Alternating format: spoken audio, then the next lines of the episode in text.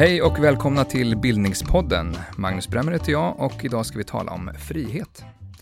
Med mig här i studion på Lunds universitet finns Nina Björk, författare, skribent och doktor i litteraturvetenskap. Och Lena Aldenius, filosof och professor i mänskliga rättigheter vid Lunds universitet. Varmt välkomna hit båda två. Tack så mycket. Nina, du får börja. Vad menar vi egentligen när vi talar om frihet? Det är en stor fråga. Vi gillar dem här i Bildningsskolan. ja, eh, motsatsen till frihet är väl antingen determinering, alltså förutbestämning, eller tvång. Och då skulle ju frihet vara ett tillstånd där ett objekt inte är förutbestämt, inte bestämt att vara eller utvecklas på ett visst sätt. Eller ett tillstånd där det inte råder tvång. Och mänsklig frihet skulle då vara att vi, för att vi skulle kunna tala om mänsklig frihet så måste vi i så fall säga att människan inte är bestämd att vara eller utvecklas på ett visst sätt. Och att vi begränsar den mänskliga friheten i samma stund som vi säger att människan är till för någonting utanför henne själv, alltså att hon är till för, att hon har ett syfte, att hon är till för fosterlandet, Gud eller kungen eller arbetsmarknaden eller Sveriges konkurrenskraft eller staten eller partiet. Eller att människan är, eller befinner, vi kan tala om mänsklig frihet eh, när vi inte talar om tvång. Och om vi säger så, så fattar man också att eh, mänsklig frihet inte är helt möjlig eftersom det finns ett inbakat tvång i vår eh, art, liksom. Att vi måste göra någonting för att reproducera och upprätthålla livet. Och det tvånget begränsar vår frihet. Och det ska vi komma in på, tänker jag, lite senare. Eh, Lena, går det ens att säga hur gammal, gammalt det här begreppet är, eller idén om frihet? Jag tror inte att vi kan identifiera någon sån födelsedag. Eh, men jag skulle vilja säga att frågan om frihet som ett slags samhälleligt fenomen eller en samhällelig fråga är väl rimligen lika gammal som människor har tänkt över detta med att vara styrd. Eh, så frågan om frihet i samhället väcks väl delvis av det, realiteten av att vara styrd på olika sätt. Och styrning är ett, om styrning är ett problem så har frihet varit en del av sättet som man har pratat om det problemet på. Ehm, och det finns ju det finns det en väldigt lång dokumenterad historia eh, om, inom filosofiskt och politiskt tänkande om vad det innebär för personen att leva i samhället och leva tillsammans med andra människor. Eh, men kanske ändå säga att kunna vara en fri aktör. I alla fall några av dem. Så jag tror styrningens realitet eh, är en, en förutsättning för att frågan om frihet ska, ska uppstå. Så var det väldigt tydligt i, i, eh, redan hos de gamla grekerna som man brukar säga, eh, där frihet kunde ta sig ganska olika former. Alltså en, en, del, en, en, del av problemet som vi är ute efter att fånga här, det är ju det att när vi letar i historien efter det här, letar vi då efter en viss terminologi? Eller letar vi efter ett visst fenomen eller en viss tanketråd? Mm. Liksom. För det som man kan prata, vi skulle kunna prata om i termer av frihet, har ju inte alltid haft den språkdräkten. Så att det, det är ju, det är ju en, annan, en annan aspekt på det här. Men att, att vara fri i den, i både i den grekiska antiken och i den romerska antiken var ganska mycket en fråga om att identifiera en form av status eh, som var statusen att inte stå under någon annans överhöghet. Konkret att inte vara en slav. Men det kunde ju också vara, som Nina var inne på tidigare, att vara fri ifrån nödvändigheten. Så de personer som vars liv präglades av en slags materiell eller fysisk nödvändighet, till exempel att vara tvungen att arbeta fysiskt för sin försörjning eller att föda och ta hand om barn, kunde genom sin kontakt med nödvändigheten inte betraktas som fria personer. Så att leva fritt innebar att leva fritt ifrån nödvändigheten, men också att leva fritt ifrån en herre. Mm. Och, och i, redan i det där så, så kan man liksom ösa fram ganska mycket ur de olika innebörder och förståelser som frihet har haft under den här långa, långa traditionen, långa tänkandets historia sedan dess. Men ser du också redan där eh, i, i de diskussionerna, eh, de två innebörder som, som Nina är inne på här med Eh, det förutbestämda å ena sidan och det samhälleligt styrda. Ja, det kan man nog säga, men samtidigt så skulle jag nog ändå, ändå säga att, att frågan om frihet i samhället eller den politiska friheten har ändå den har en egen historia som, som är delvis oberoende av frågan om till exempel vil, om viljans frihet och inte minst så har det ju under historien inte betraktas som problematiskt alla gånger att säga att människan är fri i den meningen att hon har en fri vilja. Men det har inga politiska implikationer överhuvudtaget. Därav följer inte att man också har, skulle ha en rätt att vara fri i politisk mening eller så. Mm. Okay. Så på det sättet så är de intellektuellt ganska olika, eh, har ganska olika historia. Mm. När vi talar om frihet idag så talar vi om, vi, vi talar om yttrandefrihet och tryckfrihet och religionsfrihet, vissa sådana här grundläggande eh, friheter. Mm. Eh, men också i de här bemärkelserna. Så är det här, är det här liksom del av samma historia? Alltså de friheter som du nämner som har de här orden före sig, de är ju alla börjar ju ganska högt upp i behovstrappan och börjar med, och de är ju berör det mentala liksom. Själen mer än kroppen. Uh, och det är ju så vi talar om frihet. Uh, vi pratar inte om vad som för, ligger under och förutsätter friheten. Och men vi har inte heller ett begrepp som behovstillfredsställelsefrihet. Nu har ju det typ BH, jag vet inte, mm. nio stavelser, men, men det är nog inte bara därför vi gör det, utan uh, friheten som vi tänker oss den i, de, i, i vardagslag, i den mån vi tänker på det i vardagslag, är ju de här mentala, ganska högt upp i behovstrappan sakerna. Mm. Mm. Och det, där, det, det har definitivt en slags, eh, det, det, finns en historisk eh, fond för det, eh, som har lite grann att göra med sånt som vi har varit inne på redan tidigare här, att, att eh, frihet har ofta associerats med just en viss status i samhället. Alla människor, det, bara, bara den här idén som vi nu vi ofta tänker oss i en ganska självklar sak, nämligen att frihet, hur vi än förstår det, så är det någonting som alla har, ska ha rätt att göra anspråk på.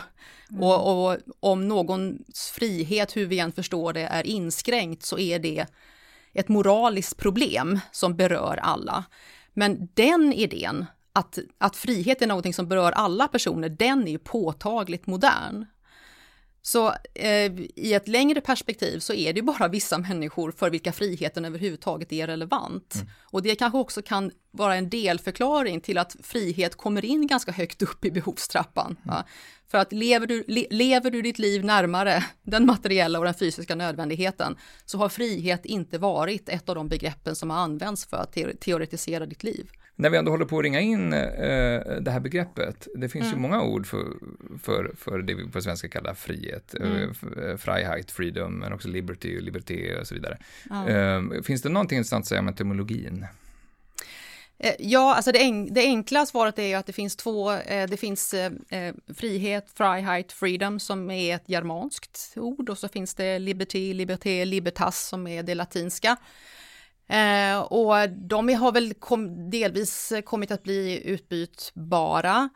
Eh, det finns väl en det är klart att det finns en, en längre etymologi här, alltså ordet libertas har ursprungligen någon, väldigt långt tillbaka i den indoeuropeiska historien, någon koppling till ordet folk.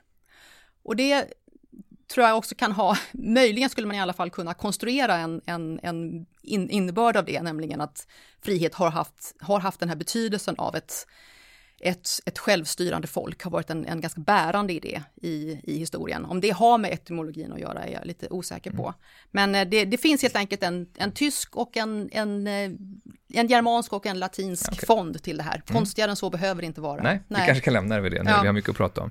Men eh, om, vi, om, man ska försöka definiera frihet idag, ni har ju ringat in det som begrepp på väldigt många olika plan, om vi ska definiera det samhälleligt idag, vilka dokument är det liksom vi går till? Du som är professor i mänskliga rättigheter, ja, vi ja, går väl precis. till FNs deklaration ja. för mänskliga rättigheter.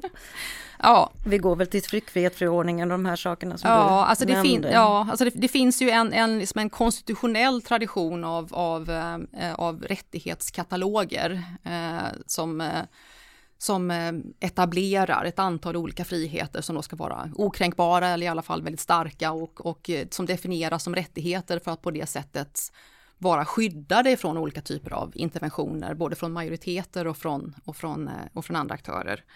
Eh, och, och det, de tar sig ju ofta den här formen av det som vi var inne på tidigare, av, att, av en lista av olika friheter i plural. Alltså mm. det finns yttrandefrihet, tryckfrihet, religionsfrihet och så har vi en lista över olika friheter.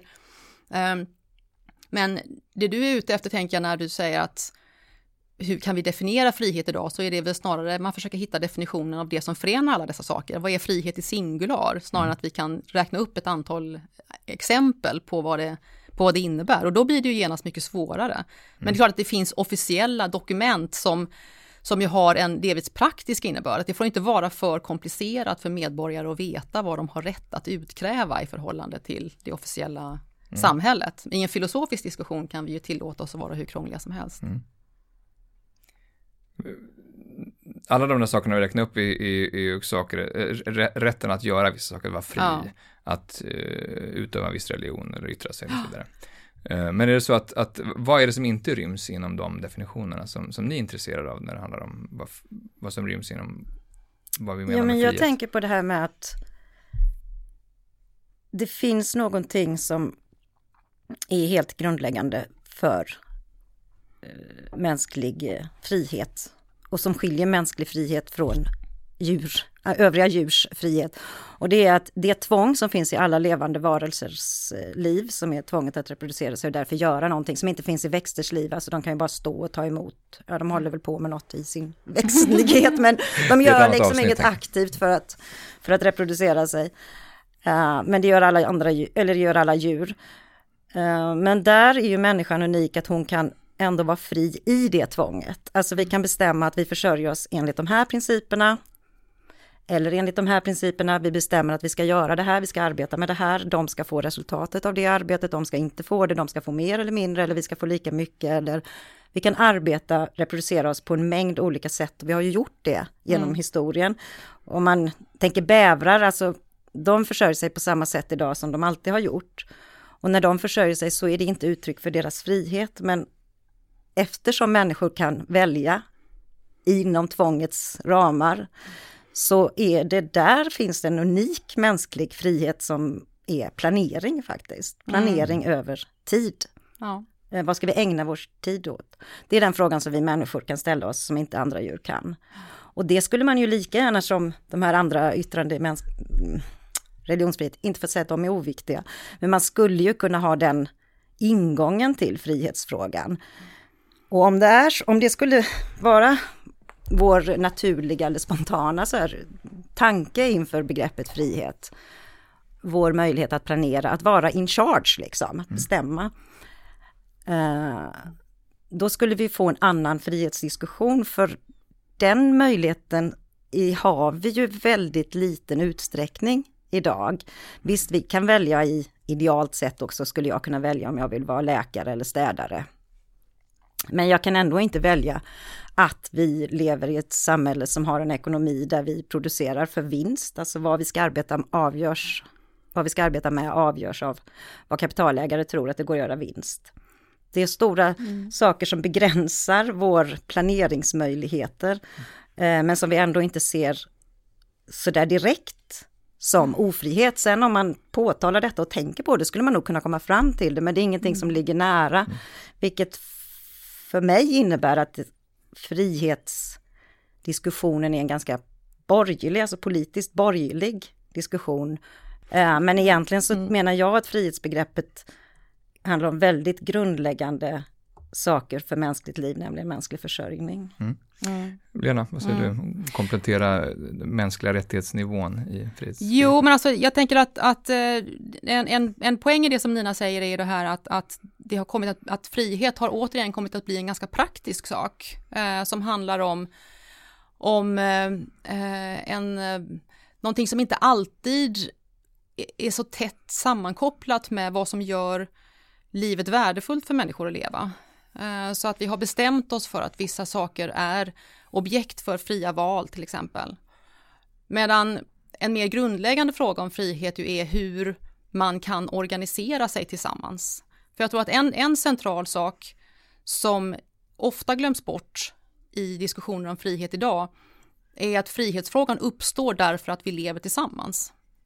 Eh, även om diskussionen om frihet ofta är väldigt individualistisk och vad, handlar om vad den enskilda individen ska kunna göra i sitt eget liv, så uppstår ju frågan om det enbart på grund av att vi lever tillsammans och har anspråk på varandra och behöver varandra och också gör anspråk på att styra över varandra och kontrollera varandras liv. Det är därför frågan överhuvudtaget blir relevant att ställa. Det är jätteintressant, har jag inte tänkt på. Alltså en människa ja. på en öde ö skulle ju inte tänka och vad fri, och jag, vad fri jag är eller vad mm. ofri jag är eller Nej. för att man bara gör det man måste göra. Nu lever aldrig en människa på en öde ö men, men, mm. men det är ju sant att friheten är ju kopplad till samvaron. Ja, ja, precis. Ja. En persons att... frihet eh, hänger alltid ihop med andra människors möjligheter till frihet. Ja, det gör det också, också ännu mer liksom logiskt grundläggande detta att hade vi inte eh, Eh, varit, hade inte existensen varit kollektiv så hade frågan om e, den enskilda personens frihet inom detta kollektiv hade aldrig ställts. Och det tänker jag är någonting som man ofta glömmer bort därför att det här det, det, har blivit, det har i sig blivit bara fonden för vad den enskilda individen sen ska ha möjlighet att göra. Men att fonden i sig, alltså kollektivets organisering eller hur det här gemensamma överhuvudtaget ter sig, eh, det är väl kanske det här frihet i singular som, eh, som ofta faller bort därför att vi fokuserar oss på de här enskilda friheterna som vi kan mm. göra en lista av. Just det här är en fråga jag tänker vi ska fördjupa oss lite mm. mer i mm. senare i samtalet. Eh, apropå definitioner så talar man ibland om positiv eh, och negativ frihet. Va, vad mm. menar man med de begreppen? Positiv mm. frihet är möjlighet att uppnå någonting, alltså att man har resurser för att uppnå någonting och negativ frihet att man är avsaknad av tvång är väl, typ? Ja, det, det, det, kan man väl säga. Den här är ju, eh, här skulle man också kunna säga väldigt mycket om. Jag kan säga, om man säger någonting kort så har ju det här kommit att bli nästan som en slags distinktion som inte tillåter något tredje. Säger man positiv och negativ frihet, då tänker man att ja, då måste ju frihet vara det ena eller det andra. Då finns det bara de två sorterna. Och då har det kommit att, att bli så, precis som Nina sa, att negativ frihet det är det, definieras just negativt som frånvaron av någonting, frånvaron av tvång till exempel. Positiv frihet definieras som närvaron av någonting, närvaron av till exempel aktivitet eller möjligheter eller, eh, eller så. Eh, och det, det, det ligger ju någonting i detta och det finns absolut en resonans i det filosofiska tänkandet om, om frihet som låter sig sorteras ungefär på det sättet. Men det ger också sken av en slags enkel distinktion som eh, eh, som eh, man kan eh, rota runt i ganska mycket. Okej, okay. mm. mm. vi kanske får skäl att göra det. Mm. Um, i, I din, den historiska linjen som du började skissa på där Lena, så mm. finns det någonstans födelsen av ett modernt frihetsbegrepp. Går det att säga någonting mer om uh, ungefär när vi talar då i det historien? Ja, man kan, ju, man kan ju plocka ett tillfälle och använda det för att liksom nysta upp ett antal olika saker. Mm. Om man då tänker en, Vilket är tillfälle? Om vi säger, att, om vi säger franska revolutionen, mm. nu är vi i slutet på 1700-talet. Eh, och eh, vad är franska revolutionen? Ja, det är ju en folklig uppgörelse med den absoluta monarkin. Eh, och frihet kommer in som en, eh, en eh, central revolutionär princip på ett väldigt specifikt sätt och det är för att de här de som, de franska revolutionärerna, även de amerikanska, eller hela liksom, diskussionen om, om frihet i ett politiskt sammanhang under den här tiden är samtidigt påtagligt modern och samtidigt så är den väldigt självmedvetet gammal. Därför att man såg sig själv som en återuppväckare av den, det romerska frihetsbegreppet libertas, där frihet, nu är vi ju, här är ju i idealiserad form, där den idealiserade bilden av den romerska friheten var att frihet är självstyre, folkligt självstyre. Och att det fanns en idé här som var väldigt central för hur man förstod frihet ända fram till början på 1800-talet. Som är att en person som lever i samhället kan vara fri i sitt eget liv bara om hon lever i en stat som är fri. Och en stat är fri dels om den står fri från imperialistiskt eh, eh, styre, men också om den har en fri form. Och statens fria form är republiken. Respublika, alltså den, den kollektiva saken där människorna styr sig själva, medborgarna styr sig själva genom sina representanter. Så det är mer en, en, demokrati egentligen? Det är ett påtagligt demokratiskt frihetsbegrepp, även om demokrati som ord hade lite dålig klang vid den här tiden, så man pratade hellre om, hellre om republik. Mm. Republiken är den enda fria formen som det politiska styret kan ta. Men hade det dålig klang för att det var ett grekiskt eh, begrepp? Det hade dålig klang därför att det hade associationer till pöbelvälde. Demos. Ja, och det, Men... det var ju liksom, eh, det var en viktig skillnad här, nämligen just detta att det fria folket som styr sig självt eh, genom, med, genom sin medborgerliga status, det är ändå ett folk som styr sig själv, återigen idealistiskt sett, för det allmänna bästa. Inte för att, för att gynna något visst intresse. För man tänkte sig då att demokrati, det är de, det är, det är de, det är de otvättade massorna som tar över staten mm. och det vill vi ju inte heller ha. Mm. Lite svårt om eh, de är flest och man är för demokrati, att de inte horden, massorna tar av. Men det var ju en rädsla Ja, det är var, en det rädsla var, ska jag Det säga. är en, en, rädsla, har alltid varit en, mm. en rädsla och en, en slags, eh, eh vad ska man säga, paradoxal eh, Eh, grej mitt i diskussionen om frihet för att den här Eh, det som, det som ju då gjorde var att man, man återuppväckte ett gammalt antikt frihetsbegrepp men man gjorde det modernt var just för att man klädde in det i en ny språklig dräkt av naturliga rättigheter. Det vill säga att det finns en, en, en medfödd rätt att vara fri och att leva fritt på det här sättet. Och där lyckades man ju med eh, konststycket att dels göra anspråk på att detta är människans naturliga rätt att vara fri, det är en medfött anspråk på frihet, att leva fritt i ett, fritt, i ett fritt samhälle. Samtidigt som man då utan knot också kunde säga att men de som faktiskt utövar den här friheten i den fria republiken, de som kan ha aktiv medborgarskapsstatus, de måste det ändå vara ordning på. Liksom. Mm. Eh, och då, då slumpar det sig så att det är vita män med, ekonomisk, eh, med ekonomiska resurser som är de som bäst representerar den, det, det upplysta medborgarskapsideal som den fria republiken kräver. Mm. Slumpar sig ofta så, men, ja. men då, du sa att detta, um, om man kan tänka sig att detta är liksom ett modernt frihetsbegrepp som startar ungefär med franska revolutionen, har ju frihet först i sin frihet, jämlikhet, broderskap. Det är ju allra viktigaste. Mm. Då är det ju ändå i... Ehm, då är det ju en, en frihet som har det här att vi är fria i, så att som kollektiv ta makten, alltså, eller att styra oss själva. Som, mm. Det är inte att en individ, Nej. utan då blir ju frihetsbegreppet, modernt eller inte, knutet till demokratin, till ja. majoritet och till en eh, tanke om att medborgarna styr sig själva mm. i plural. Det kan ju inte vara en individuell frihet att ett folk styr sig själv. Eh, så då är det ju en monark som styr, alltså det står ju i så fall i motsättning till demokrati. Mm. Individuell frihet i den meningen, vem ska styra landet? Ja. Mm. Och det, det, var ju, det, det är ju en väldigt spännande tanke i detta, tycker jag, att så, precis som du nämner nu, att då kan man inte, i, i det sättet att tänka på frihet så kan en person inte vara fri under ett absolut styre oavsett hur många så att säga, rent praktiska friheter du har. Jag menar, lever du i en Lever man i en absolut monarki som ju var det, det styrelseskick som de franska revolutionärerna revolterade emot, då kan du ju fortfarande vara en extremt privilegierad person eh, med gott om pengar och mycket makt och inflytande och, och många anställda och, och, och så vidare. Va? Men och, det var ju något av en, en, slags pedagogisk utmaning då för, för det här filos, den här filosofin att säga att även, även så, även de mest privilegierade adelsmännen i en absolut monarki är slavar. Mm. I just den här också, specifika innebörden, för att de lever alltid under det arbiträra styre som absolutismen innebär. Man kan ju också tänka sig ett land där alla de här friheterna råder. Eh, de individuella mm. och eh, vi har även politisk demokrati, men där en människa kan vara otroligt ofri och inte bry sig ett dugg om religionsfrihet, tryckfrihet för att hon eller han har inte frihet att försörja sig och frihet att eh, äta liksom.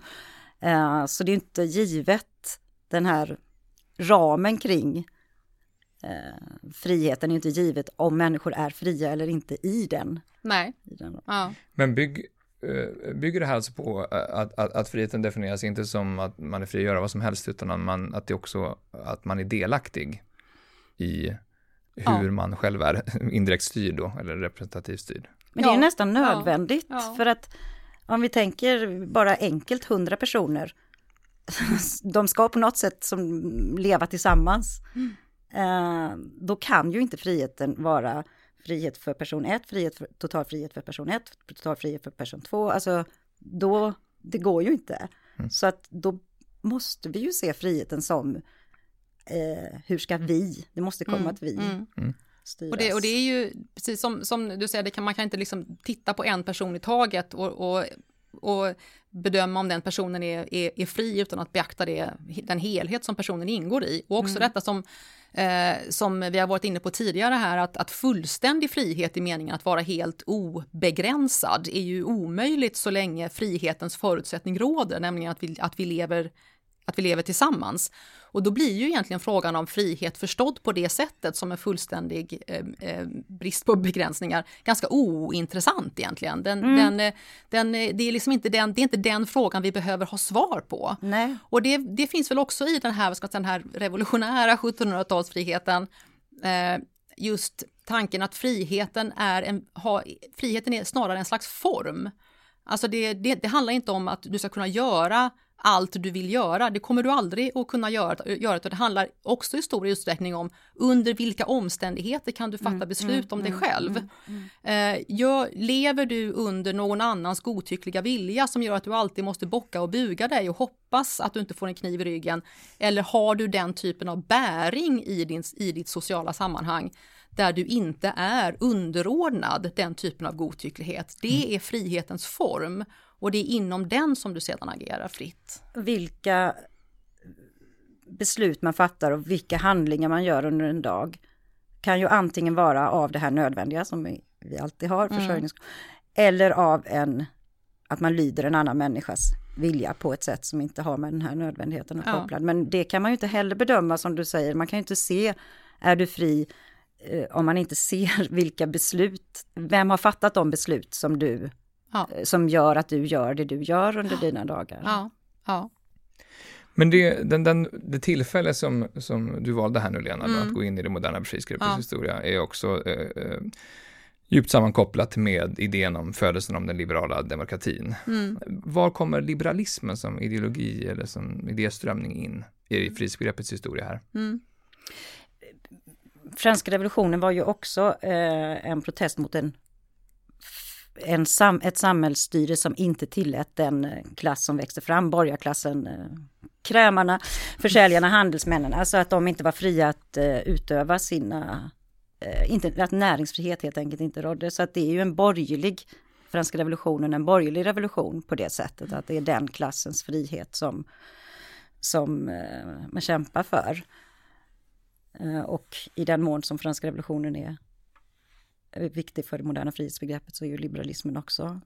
Sen Mm. så kan man säga att där delade liberalism, socialism, konservatism, 1800-talsideologierna, när de fick namn så att säga, länge är ju eh, liberalism och socialism i motstånd till konservativ, konservatism och absolutism och monarki och så vidare. Alltså man delar ju den sortens frihetslängtan.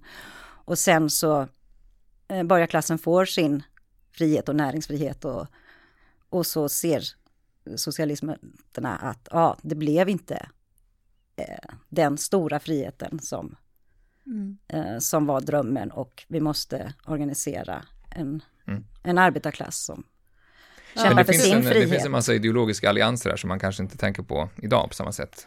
eh, Ja, i- i man kan säga att socialismen är liksom en gren på liberalismens träd. Mm. Jo, men jag, skulle, jag, jag, håller, jag håller med om detta att det, det finns, det, alltså ska man förstå franska revolutionen och vilken, eh, om vi använder den som en slags, eh, ett sätt att öppna lådan här, eh, så kan man plocka ut två ganska olika saker ur den och det ena är då det här med att det var, även om det så att säga, idealistiskt är en, en, en, ett, ett, en folklig resning så är det såklart eh, att det etablerar sig en ny styrande klass som, är, som vi kan kalla för en borgarklass. Eh, och det väcker ju i sin tur ett antal besvikelser. Eh, det väcker besvikelser hos arbetarklassen som finner att i den här nya medborgerliga staten där alla skulle vara lika, där fick vi inte några medborgerliga rättigheter därför att vi inte har egendom. Kvinnorna upptäcker, kvinnorna som hade intagit gatorna i Paris och, och, och stridit vid sina revolutionära bröders sida upptäckte att de fick inte heller några medborgerliga rättigheter därför att kvinnor ansågs inte vara fria nog i tanken. Och så det finns ju liksom frön där till en, en, en socialistisk revolution och en feministisk revolution på 1800-talet ur detta. Um, och sen finns det en annan sak som också griper in i liberalismens historia, nämligen att det kom en slags backlash efter revolutionen, alltså generation, decennierna efter franska revolutionen, så, så kom det en, en kraftig reaktion på det här frihetsbegreppet där friheten knöts till det aktiva medborgarskapet, utövandet av, av, av en slags offentlig aktivitet som medborgare. För att den, den framväxande borgarklassen var ju egentligen inte intresserad av det. Eh, utan man vill ju ha, snarare ha statligt skydd för sitt ägande eh, och kunna leva sitt privatliv i fred under lagarnas beskydd. Och det ser man jättetydligt i början på 1800-talet. Hur ett, ett nytt sätt, som man då kallade för det moderna, frihetsbegreppet, artikuleras väldigt, väldigt självmedvetet och väldigt avsiktligt som en slags brytpunkt med det som nu blir det förgångna och som då franska revolutionen blir slutpunkten på, nämligen det här gamla romerska skitjobbiga frihetsbegreppet som kräver att man ska hålla på och stå på barrikader när man i själva verket bara vill ha det lugnt och skönt hemma va, mm. under lagarnas beskydd. Det händer de första decennierna på 1800-talet och är också väldigt viktigt för att förstå hur liberalismens framväxt som ideologi har med den här eh, frihetshistorien att göra. Mm. Men om vi ska nysta lite närmre i, i just vilka eh, idéer som växer fram här, som blir en del av, av liberalismens eh, framväxt, eh, så har vi valt ut två texter. Den första mm. är, är av den franska filosofen Benjamin Constant från 1819 där han jämför det moderna frihetsbegreppet med det antika. Lena, vill du säga något kort om vad han säger i den här texten? Ja, eh, Benjamin Constant publicerade 1819 en essä eh, Eh, där han gör en tydlig distinktion mellan den antika friheten och den moderna friheten. Och eh, där det nu är dags, han lanserar detta som att nu, det samhällsskick som vi nu lever i, kräver ett annat sätt att förhålla sig till frihet än detta antika frihetsbegrepp som de franska revolutionärerna ägnade sig åt.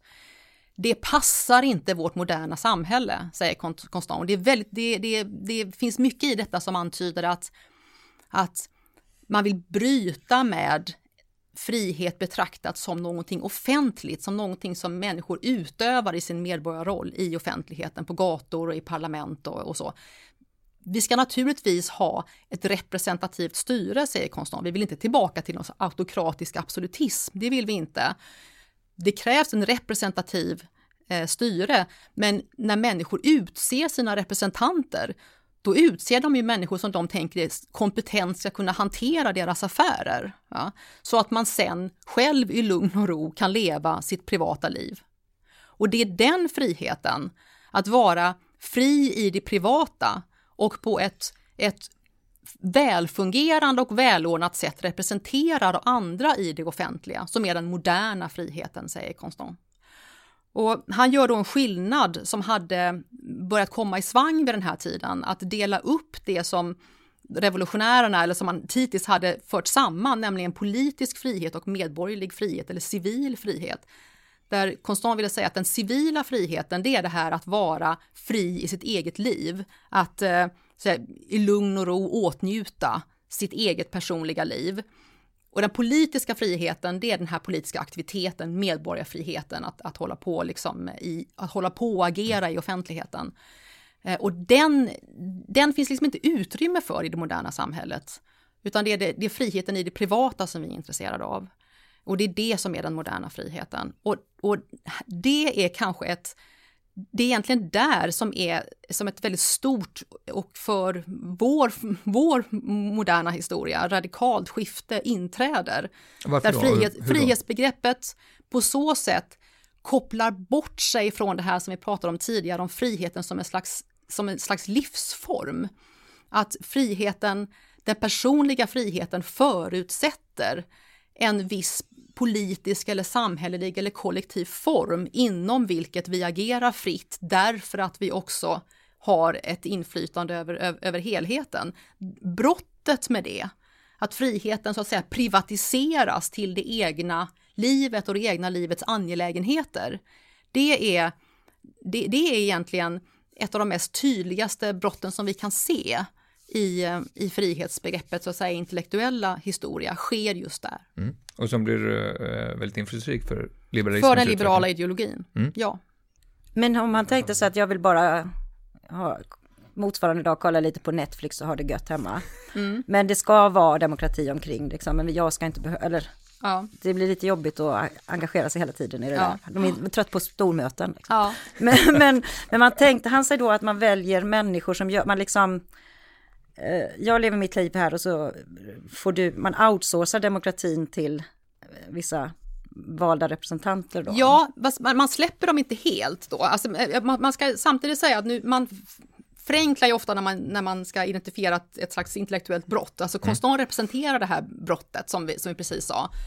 Men samtidigt kan man hala in det också lite grann för att han vill ändå säga att den, den politiska friheten den behöver vi ju också. Alltså vi, vi kan inte, vi, den här privata friheten är ändå beroende av att det politiska samhället ändå är representativt. Vi måste kunna avsätta de som styr. Annars har vi avhänt oss en viktig em, en viktig del av det som gör oss, gör oss fria. Men det är ändå så att i någon mening kan man säga att det är på entreprenad. Han gör en, han gör en referens till om en rik person skulle anställa en förvaltare, säg att en rik landägare anställer en förvaltare, eh, då skulle ju han vara en idiot, säger Constant faktiskt, om han inte anställer en person som han betraktar som kompetent, men som han också sen håller ögonen på för att förvissa sig om att den här personen uppfyller de plikter som han är satt att förvalta. Och politisk representativitet ska vi betrakta på samma sätt. Det är som att vi anställer en förvaltare som vi bedömer som kompetent och som vi sen regelbundet kollar att han sköter sina uppgifter och gör han inte det så säger vi upp honom. Så ser vi på det representativa systemet. Och så länge förvaltaren gör sitt jobb och svarar inför oss och vi är nöjda, då kan vi sköta vårt privata liv själva i frihet. Men, och då räknar man ju bort hela den ekonomiska makten. Eh, som också påverkar hur människor lever sitt privata liv. Hur man lever sitt arbetsliv som är en ganska stor del. Ja, man kan väl säga man att, att den, den fria klass som, som Constant har i sikte är ju, eh, är ju den framväxande medelklassen. Det får man ju säga. Eh, den andra texten är en av liberalismens klassiker får man ändå säga. Den eh, brittiske filosofen John Stuart Mill. eh, Hans text om friheten från 1859, så alltså 40 år senare. Eh, Nina, säg något kort om vad det här är för typ av text. Ja, han säger ju där att han vill förfäkta en enda enkel princip. Eh, en princip varifrån man kan avgöra när det är rätt att eh, styra individens privatliv och när det inte är rätt att göra det. Eh, Syftet med denna studie, skriver Mildo, är att förfäkta en enda mycket enkel princip med vars hjälp man undantagslöst kunde avgöra när samhället med tvångsmakt och kontroll bör blanda sig i individens angelägenheter. Och då kommer han fram till att eh, det enda verksamhetsområde där man är ansvarig, den enskilda är ansvarig inför samhället, är det som handlar om andra människor, medan man inom det som bara berör en själv bör ha rätt till oinskränkt frihet. Skriver Mill. Över sig själv, över sin egen kropp och själ är individen suverän. Vad menar han? Och det där är ju inte bara det där är ju inte bara en, eh, en princip, en åsikt han förfäktar, utan det är ju också med nödvändighet en ontologi, alltså en uppfattning om verkligheten som han eh, ger uttryck för här. Alltså att man kan dra den här linjen, här är jag, här, här är de andra. Här, är jag, här kan jag vara suverän, där är de andra. Att man kan dra mellan det enskilda subjektet och hans eller hennes medmänniskor och att man kan dra det mellan det privata livet och det offentliga livet. Eh, den kritik som kommer eh, mot Mill på grund av den här ehm, principen som man försöker föra fram om friheten, den handlar väl om att man inte delar hans eh, gränsdragning där, hans världsbild. Mm. Mm. För han, redan i, i, första, textens första mening så, så gör han distinktionen att den här texten handlar inte om den fria viljan i den där deterministiska verksen som du väl var inne på i början Nina, utan om den politiska friheten. Så, men samtidigt är det en, en text som har eh, som anförs ofta när vi talar om individens frihet. jo, men det är individens frihet han tänker på. Mm. Eh, det är ju, den är ju mycket liberal, alltså det är inte konstigt att den fortfarande används och man kan se den hos eh, reellt existerande liberaler idag eh, som en hänvisning samtidigt som det naturligtvis är otroligt svår tolkningsfråga. Så det mm. skulle inte en liberal heller säga att det inte är. Och det, de kan ha den lite grann ibland sådär mot vissa grejer, men den är ändå inte så lätt att forma. Alltså en sån banal sak som det här mm, förbudet mot att röka på uteserveringar som fattades förra sommaren eller vad det var. Alltså då var inte liberaler överens heller riktigt hur man mm. skulle, skadar man andra eller skadar man bara sig själv? För det handlar ju också om att Mill menar att det kan vara så att alla andra ser att Åh, den här Eh, tjejen här, hon eh, skulle må bättre om hon slutade göra det här, om hon inte slutade supa så mycket, eller liksom om hon eh, gick, speciellt i Mils fall, om hon gick i skolan, han älskar ju skolan, så skulle hon få lyckligare liv. Men det har vi inte rätt att lägga oss i, för då är det bara, hon skadar bara sig själv. Mm. mm. Det är det, nu pratar vi om det som brukar kallas skadeprincipen. Mm. I korthet, vad går den ut på? Ja, den går ut på detta att eh, om man, om man vill skada sig själv till döds så ska man ha rätt att göra det. Men så mm. fort man vill skada någon annan så har vi som samhälle rätt att säga mm. stopp där. Mm. Uh, vem skulle... Ja, det är inte så lätt att tillämpa den just eftersom mm. då får vi då frågan om vad är att skada någon annan? Vad är det att vara suverän? När är jag en privat människa? När är jag en offentlig människa? Hur skapas min vilja att göra vissa saker? Hur skapas min oförmåga att göra saker jag kanske vill? Alltså, ja. Mm. Så den är inte lätt att, äh, att tillämpa, men den är ju man känner ju direkt igen tanken, alltså även någon som aldrig har läst om friheten ja. känner ju igen denna, den är ändå väldigt närvarande, den här skadeprincipen är ändå väldigt närvarande i en, i en diskussion om frihet. Jag tror att den, är, den, är, den kan ha en betydelse, förutom då den historiska betydelsen att, att det kommer, eh, att det hade betydelse i sin tid och att Mill är en viktig person i liberalismens frihetshistoria. Så kan den ha betydelse för oss också på lite olika sätt. Ett, ett är att den här principen, skadeprincipen är ju så fort man börjar plocka isär den och kräva exakthet av den så, så, så upplöses den på något sätt. Alltså hur ska man kunna säga var gränsen går mellan mig och andra? Eh, men den fungerar ju ändå ganska väl som någon slags approximering. Mm. Och det är ofta så, så den har använts också. Alltså i den meningen att ja, men den, den, funkar så länge vi håller den på en ungefärlig nivå.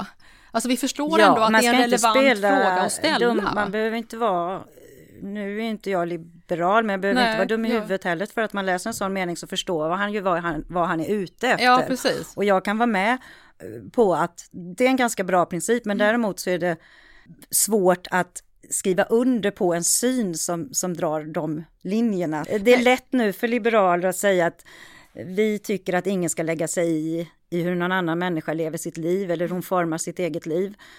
Nej, men då kan ju den människan inte leva i ett samhälle. För mm. i samma stund som en människa lever i ett samhälle så kommer hon, hennes liv att formas av det samhället, av den infrastruktur som som finns i varje samhälle, inte bara i vårt samhälle utan alla samhällen som någonsin har funnits och alla som någonsin kommer att finnas, finns det en infrastruktur som individen bara föds in i. Mm. Alltså hur försörjer vi oss här?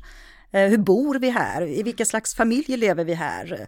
Eh, och det är ingenting som man kan gå upp på morgonen och bestämma och vara suverän och, mm. och, och, och, därför så tycker jag att det ibland kan bli som att man tänker att Mills princip är lite lättare än vad den egentligen är.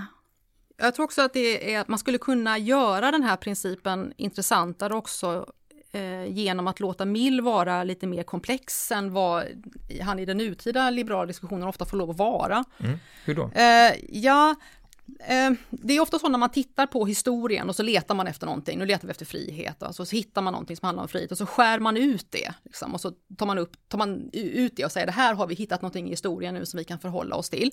Men det är inte, det är inte självklart att den lilla biten var tänkt att skäras ut på det sättet. Så risken är att man skär ut den ur det sammanhang som förklarar varför den såg ut som den gjorde. Mm. Har du något exempel där? Ja, nej men alltså Mill skulle kunna vara ett exempel på, på det kanske, för jag tror att Mill var ju tillräckligt mycket, fortfarande även om han är en bra bit in på 1800-talet, så är han tillräckligt mycket av en upplysningstänkare för att se människans liv som ett slags moraliskt projekt. Ett slags moraliskt bildningsprojekt. Så en anledning, en anledning till att han eh, propagerade för den här att samhället inte ska lägga sig i vad människor gör med sitt eget liv. Det var ju egentligen inte för hans personliga del, för att han betraktade människan som någon slags sån här liksom amoralisk atom som gärna får, får liksom, eh, eh skjuta sig själv i foten om hon vill, utan för att han såg det som en förutsättning för en slags fri kunskapsutveckling som sen skulle ha ett, ett kollektivt värde. Alltså vi, vi, bildas, vi bildar oss tillsammans, men den fria kunskapsutvecklingen förutsätter också en fri tanke där man också vågar ha fel. Eh, så att om man sätter in den här principen om att man ska få göra vad man vill så länge man inte skadar andra, in i en slags sån här filosofi om en, ett, ett, ett slags kollektivt bildningsprojekt som kräver den här typen av, av fritt utbyte han, utan risk, också, då, är det, då, då, förstår man mer vad det är som, som han såg så värdefullt i det. Han är ju också väldigt rädd för människor, Mill.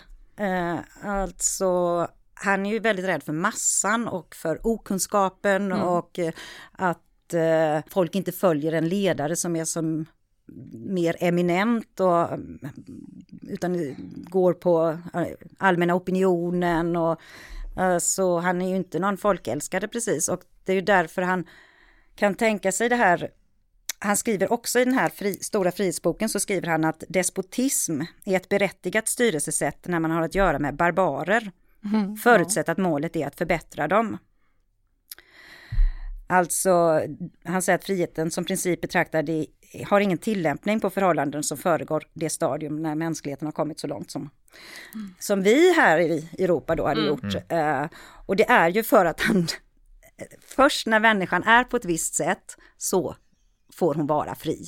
Ja. Och då är det när hon är ungefär som Mill tycker att hon ska vara. Ja, liksom. Och där är han ju supertypisk för, inte bara för sin egen tid, utan för en väldigt stor del av den traditionen som vi, som vi pratar om här. Alltså att det, frihet är inte för var och en. Eh, och det har, det har ju ofta handlat väldigt mycket om detta, att hur man än definierar frihet och varför man än tycker att det är viktigt, så är det också viktigt att att precisera eller, eller hålla lite ordning på vilka människor det är som har kapacitet för frihet, mm. till vilka som är berättigade till mm. frihet eller vilka som mm. klarar av att hantera frihetens och, ansvar. Men, men, och mycket vilket pris man ska betala, alltså ekonomisk eh, demokrati då skulle massan bestämma över beslut som de inte är förmögna att eh, Absolut. besluta mm. över. Mm. Uh, och då skulle effektiviteten bli lidande, produktiviteten och så vidare. Så att där kan vi tyvärr inte ha demokrati. Och det. Det, har ju, det har ju all diskussion om rösträttens eh, införande och rösträttens utvidgning och begränsningarna i rösträtten har ju hela tiden handlat, handlat om detta. Alltså vilka, eh, vi, vi säger nu att rösträtten är en rättighet, men den har ju historiskt sett minst lika mycket betraktas som ett slags medborgerligt ansvar som bara vissa personer klarar av att axla. Mm. Och då måste man liksom ha, ha, ha reda på vilka de är. Man får ändå ge Emil att han vill ju ge kvinnor rösträtt. Han vill utvidga rösträtten i en tid där detta inte alls var självklart.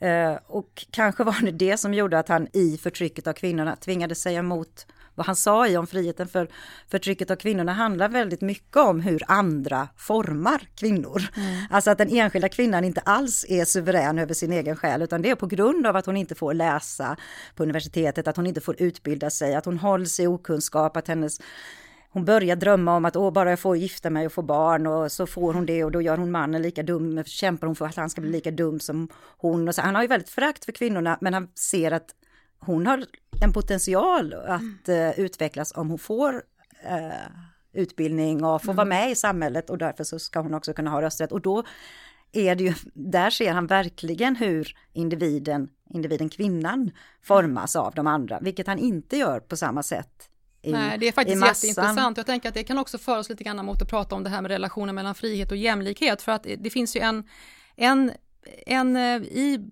Mills bok om, eh, eh, om kvinnans underordning, så pratar han om ofriheten i hemmet. Och det här är ju en, alltså ofriheten inom den privata sfären. Det är någonting som mm. vi inte har pratat om hittills och som är något av också en, en, en svart låda i frihetsbegreppets historia. Bara föreställningen att man skulle tänka sig att en person som är ofri på ett sätt som frihetsbegreppet fångar i den privata sfären, att man kan öppna upp den och betrakta den också som en arena för frihet och ofrihet. Vad, vad, eh, innebär det när han gör det? Ja, men alltså Mill säger då på, på, eh, på ett ställe, nu kan jag naturligtvis inte citatet eh, utan till här, men han pratar om att eh, eh om den gifta kvinnans eh, underordning under, under mannen, närmast som ett exempel på ett, ett klassiskt slaveri.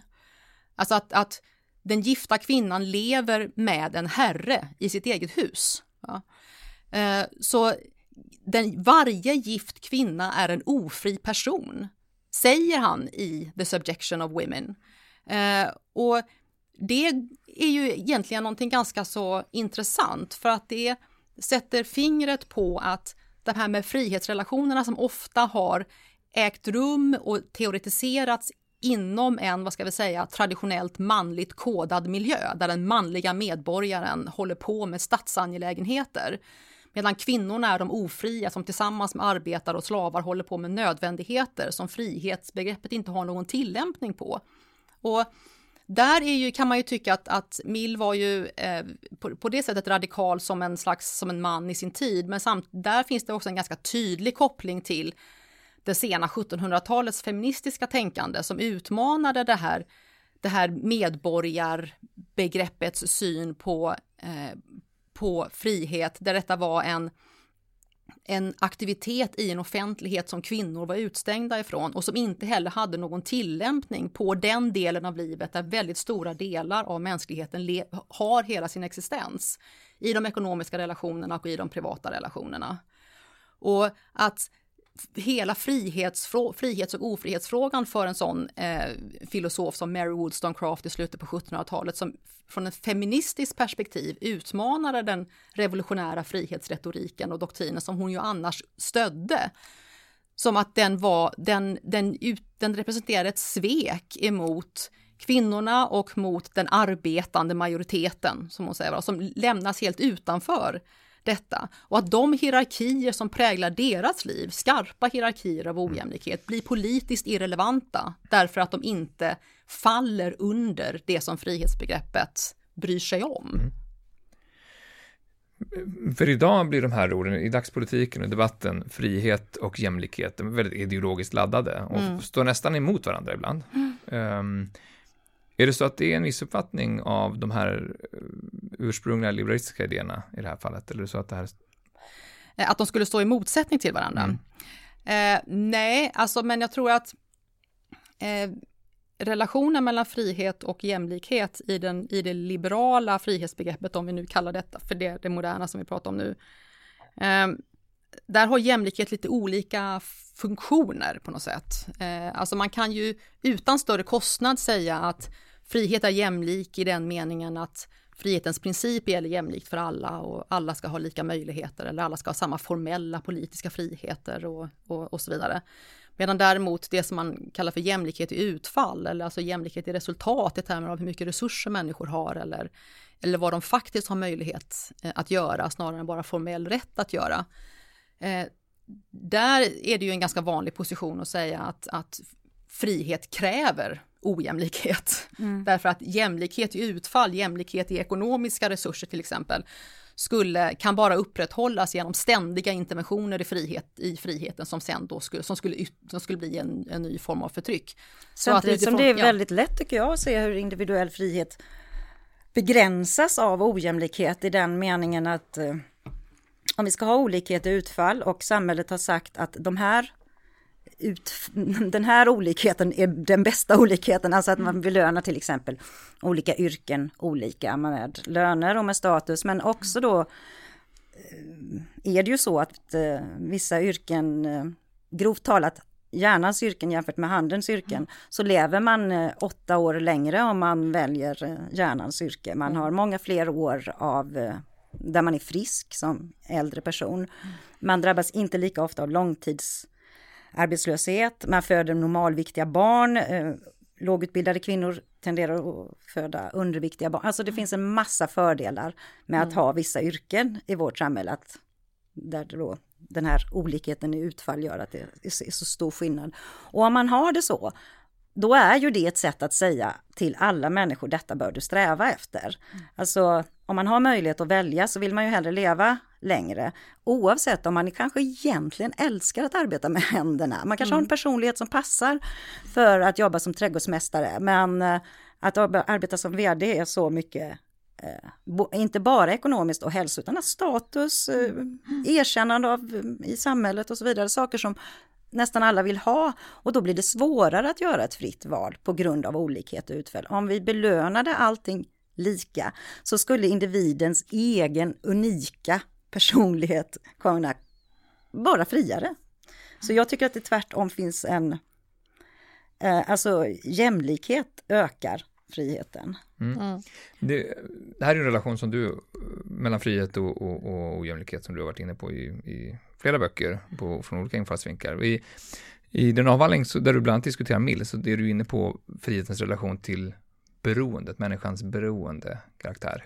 Kan du säga någonting om hur det där, hur människans beroende eh, belägenhet, så att säga, eh, påverkar synen på frihet?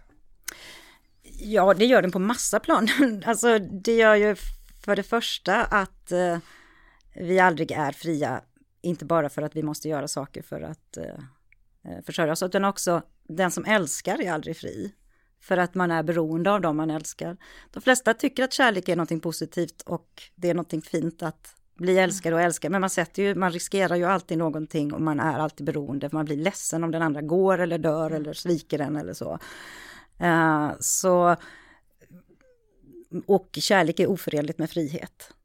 Uh, så då är det inte det all, ja, frihet kan inte vara bara det högsta goda i alla fall, eftersom mm. kärlek också är mm. någonting som vi strävar efter. Och sen är det också det här som jag pratade om, när jag, eh, Mills syn på subjektet, alltså att om vi inser mänsklighetens stora beroende också jämfört med andra djurarter då, för att vi föds för tidigt så att säga. Vi är ju så länge vi är oförmögna att ta hand om oss själva och hitta mat eller gå och så. Om man jämför med en hundvalp så är de mycket dugligare mycket fortare. Och det betyder att människan är mer än andra djur formade av kultur och av andra människor och av de människor som är nära henne.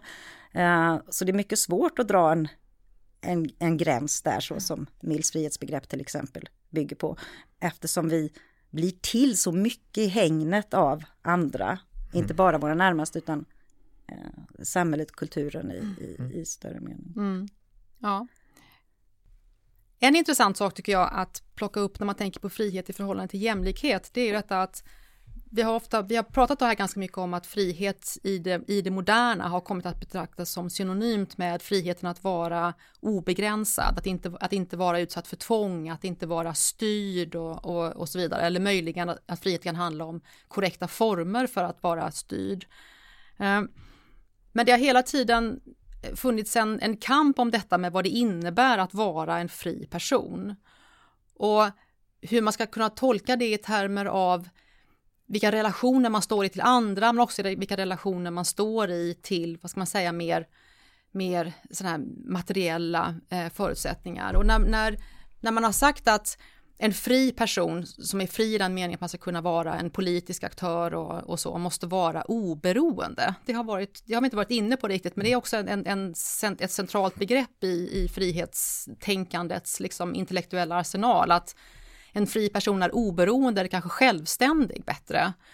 Eh, så är det ju inte självklart så att, att en självständig person är samma sak som en person som inte har personliga band eller inte lever i sociala omständigheter.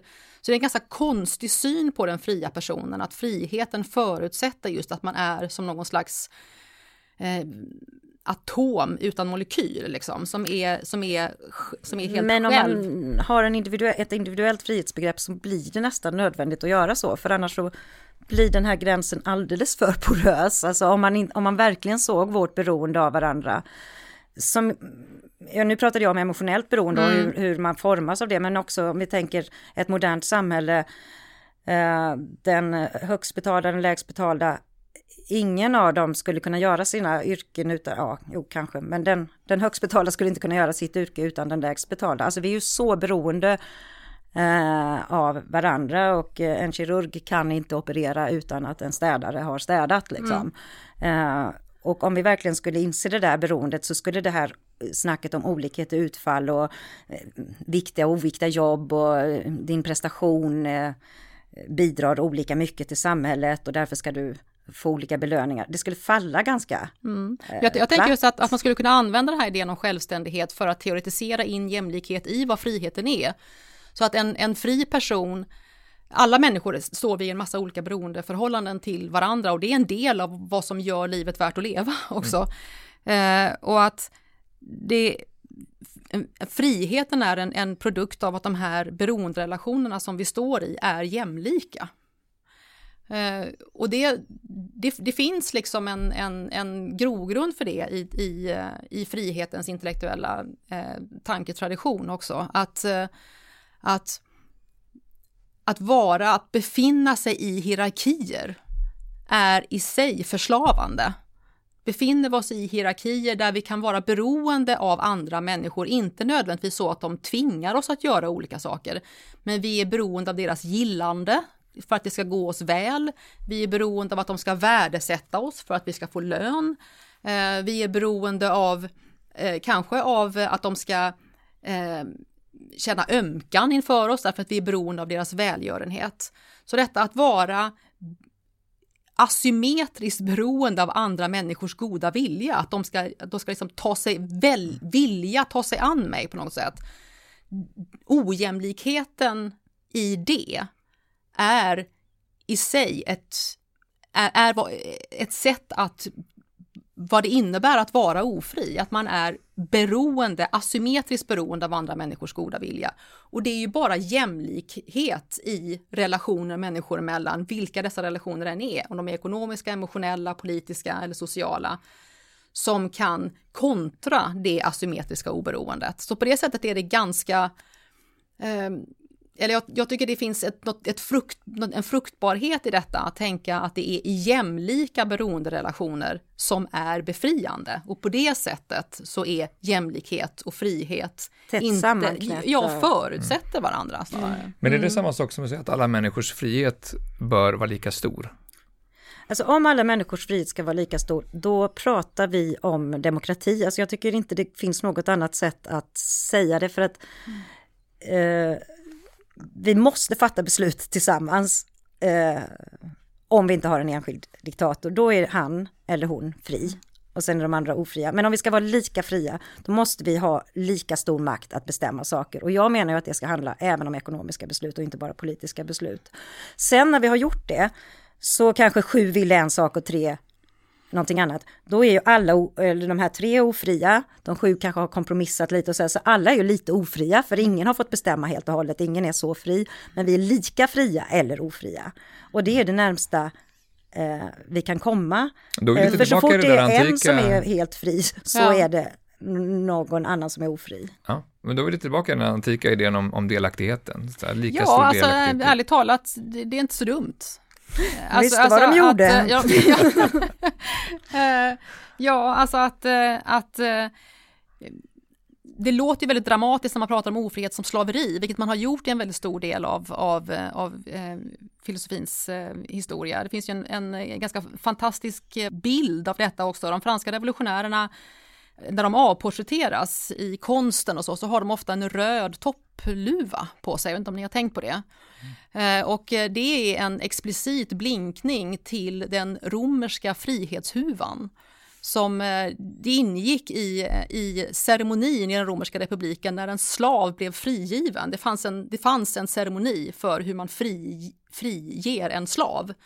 Och i, det fanns vissa insignier också som ingick i den här ritualen och en av de insignierna var en luva, en mjuk filtluva som man satte på huvudet på den frigivna slaven. Och detta hette frihetshuvan. Och tittar man på gamla antika avbildningar av, av gudinnan Libertas, alltså frihetens gudinna, så har hon ofta en sådan huva på huvudet eller på en stav som hon håller i handen. Mm. Så, så det här finns en, där en väldigt tät koppling tillbaka till att man tar på sig frihetsluvan, då, då har man däremot där har man liksom gjort sig själv fri från slaveriet. Så den här kopplingen till att friheten består i att vara fri från överhöghet och därmed ingå i ett jämlikt utbyte av relationer inom ett samhälle som man lever i tillsammans. Jo, det har en väldigt lång tradition. Ens ofrihet är på ett visst sätt om man har varit på, varit möjlighet, fått möjlighet att påverka ja. de besluten som leder till ofriheten, än om man inte har blivit eh, tillfrågad och ja. får sin frihet beskuren. Men, men att uh, ett samhälle där alla är totalt fria är helt omöjligt. Mm. Det får bli avsnittets sista ord. Jag tackar uh, Lena Haldenius och Nina Björk för att ni vill vara med i Bildningspodden. Tack, tack så mycket. Podden är tillbaka på det nya året med en ny säsong och många spännande nyheter. Tusen tack för att ni har lyssnat. Du har lyssnat på Bildningspodden, en del av bildningsmagasinet Anekdot. Fler poddar, filmer och essäer hittar du på anekdot.se.